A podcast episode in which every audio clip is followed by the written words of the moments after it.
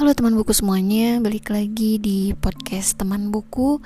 Kali ini sesuai dengan janjiku di podcast sebelumnya Aku mau nge-review buku self-improvement Yang judulnya Manajemen Leha-Leha.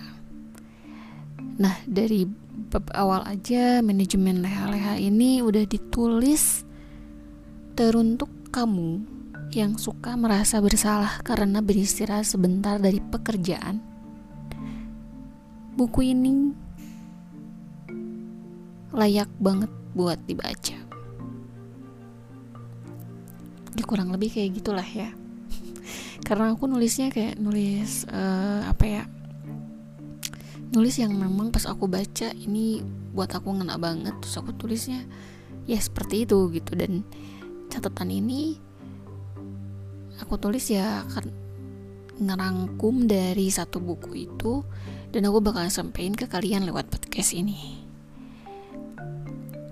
Jadi buku ini tuh berisi tips-tips bagaimana caranya kamu mengatur waktu agar kamu bisa beristirahat dari kegiatan kamu. Jadi di sini nggak cuma pekerjaan kantor aja ya, tapi bisa juga tugas sekolah, tugas ibu rumah tangga yang gak ada habisnya itu, dan tugas menjadi makhluk sosial. Ya, di sini ada tips untuk beristirahat menghadapi orang-orang dan aku ngebacanya kayak beristirahatlah menghadapi orang-orang toksik. Hmm, menarik banget kan? Penulisnya ini adalah seorang psikiater asal Jepang dan tentu saja penelitiannya berdasarkan penduduk Jepang. Ya ini hanya asumsiku aja sih setelah aku baca keseluruhan bukunya karena kebanyakan uh, di bukunya itu terus menerus uh, kok di Jepang tuh kayak gini di Jepang tuh kayak gitu. Dan memang orang Jepang itu kan kebanyakan sangat menghargai waktu. Ya jadi sedikitnya aku menyayangkan karena budayanya berbeda terutama soal waktu tadi ya. Karena nggak di Indonesia tuh kayaknya lebih orang-orangnya tuh lebih santuy ya termasuk aku sih. Jadi kayak telat hmm, telat 15 menit ke kantor kayaknya. Ya it's okay gitu. Kadang datang pas setelah jam istirahat ya it's okay gitu ya. Kan ada aja gitu orang yang kayak gitu. Tapi ya dari keseluruhan yang aku baca banyak banget yang bisa dipraktikan. Misalnya bagaimana cara bisa beristirahat agar bisa menjaga konsentrasi di saat bosan kerja salah satunya adalah kalau kamu udah bener-bener bosan banget sama pekerjaan kamu penat banget itu cobalah beristirahat uh, dua jam sekali katanya. Tapi kalau udah bener-bener hampir burn out itu mendingan istirahat 15 menit sekali. Entah itu mungkin apa ya ngecekin sosial media mungkin. Tapi nggak boleh lebih dari 5 menit katanya ya kan karena memang, memang orang Jepang kan sangat menghargai waktu ya. Terus ada lagi bagaimana caranya memanfaatkan tidur dan mencari waktu untuk tidur di sela-sela kerja.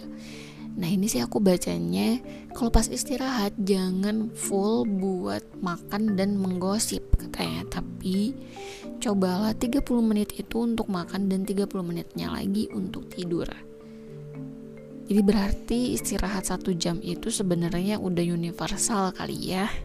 Ya aku nggak fokusnya malah ke situ sih.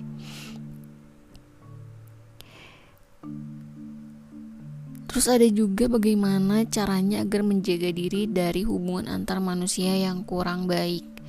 Nah ini sih kalau misalkan kita kan kadang kita ini tidak tega membiarkan orang menunggu balasan email atau balasan text message ataupun WhatsApp, hmm, apalagi lain dan macam-macam lah.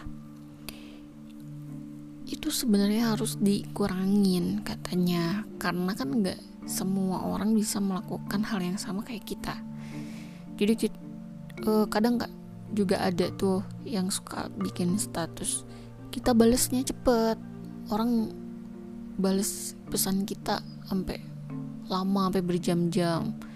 Giliran orangnya itu ngebales kita langsung cepet-cepet ambil handphone. Jadi kayak gitu sih. Jadi malah kayak ke kitanya tuh katanya capek. Ya emang emang bener sih. Capek. Jadi lebih baik kalau memang nggak penting-penting banget ya udahlah gitu. Jangan terlalu uh, jadi orang yang cepet banget ngebales gitu. Nah buat kalian nih yang penasaran sama buku manajemen HLH ini sebenarnya diterbitin sama siapa sih? Buku manajemen HLH ini diterbitin oleh penerbit Haru dan penulisnya ini adalah orang Jepang Nishida Masaki. Tebalan bukunya ini sekitar 200-an halaman. Jadi nggak terlalu tebal sebenarnya dan isinya itu padat tapi kebanyakan mengungkapkan kebiasaan-kebiasaan orang Jepang. Ya, begitu. Um, apa lagi yang bisa diobrolin dari buku ini? Paling itu aja sih. Oh iya, soal tidur. Kenapa katanya kita harus mengatur waktu tidur walaupun nih misalkan di banyak kerjaan atau banyak deadline tugas dan segala macam mending jangan sampai ada sistem kebut semalam. Karena apa pun yang ditangkap kalau otak kita lagi di dalam di bawah tekanan itu nggak bakalan masuk. Jadi lebih baik dicicil katanya gitu. Terus kalau untuk soal liburan kalau memang nggak bisa liburan banget atau ngerasa bersalah banget buat liburan nih? Misalnya udah direncanain tapi ngerasa bersalah banget. Cobalah nebeng. Nebeng liburan. Jadi misalnya nih ada temen yang dia ngajakin liburan ya kita ikut. Kayak gitu. Jadi tuh katanya ne namanya nebeng liburan. Begitu. Paling kayak gitu aja. Buku kali ini. Aku harus ngasih penilaian gak sih di setiap buku yang aku review? Sebenarnya sih aku ngasih penilaian ya tapi cuman di Instagram aja. Kok di Instagram untuk buku ini aku kasih bintang 4 tapi sebenarnya kalau boleh aku ngasih penilaian spesifik untuk buku ini aku sebenarnya enjoy bacanya. Tapi ada hal-hal yang kurang serak gitu. Jadi ya uh, sebenarnya nilainya di bawah 4 sih tapi di atas tiga setengah jadi sekitar 3 8 lah 3,8 lah dari 5 bintang gitu. Oke paling kayak gitu aja. Mudah-mudahan bisa bermanfaat buat teman-teman semua yang lagi nyari referensi buku soal beristirahat dengan baik ya buku ini bisa jadi pilihan salah satu pilihan untuk kalian oke okay? paling kayak gitu aja thank you banget yang udah dengerin dan sampai jumpa di podcast selanjutnya